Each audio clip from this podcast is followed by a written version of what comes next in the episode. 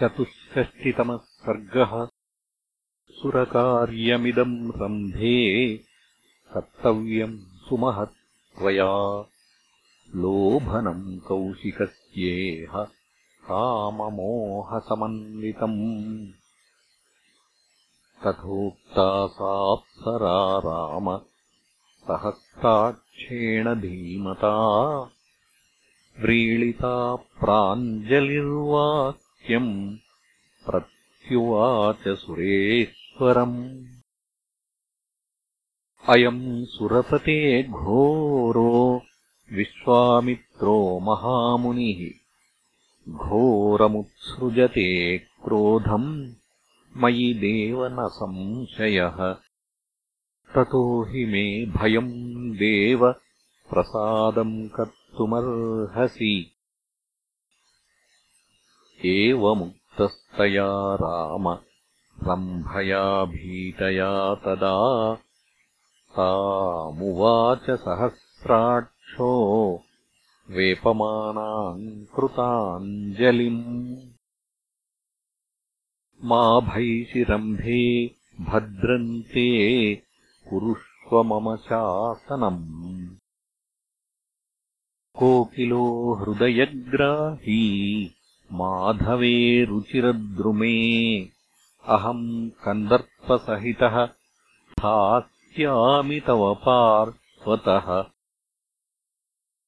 त्वम् हि रूपम् बहुगुणम् कृत्वा परमभास्वरम् तम् ऋषिम् कौशिकम् रम्भे भेदयस्वतपस्विनम् सा श्रुत्वा वचनम् तस्य कृत्वा रूपमनुत्तमम्। लोभयामास ललिता विश्वामित्रम् शुचिस्मिता। कोकिलस्य तु शुश्राव वल्गुव्याहरतः स्वनम्। प्रहृष्टेन मनसा तत एनामुदयीक्षत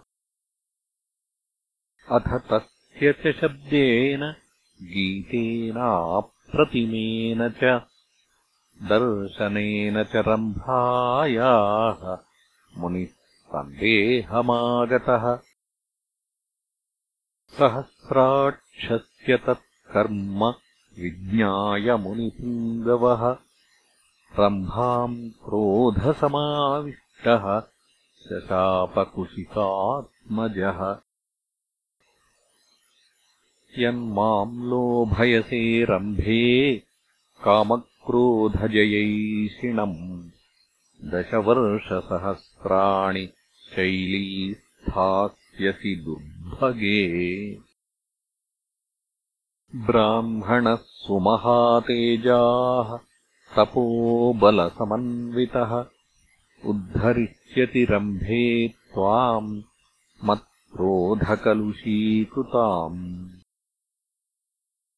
एवमुक्त्वा महातेजा विश्वामित्रो महामुनिः अशक्नुवन् धारयितुम् क्रोधम् सन्तापमागतः।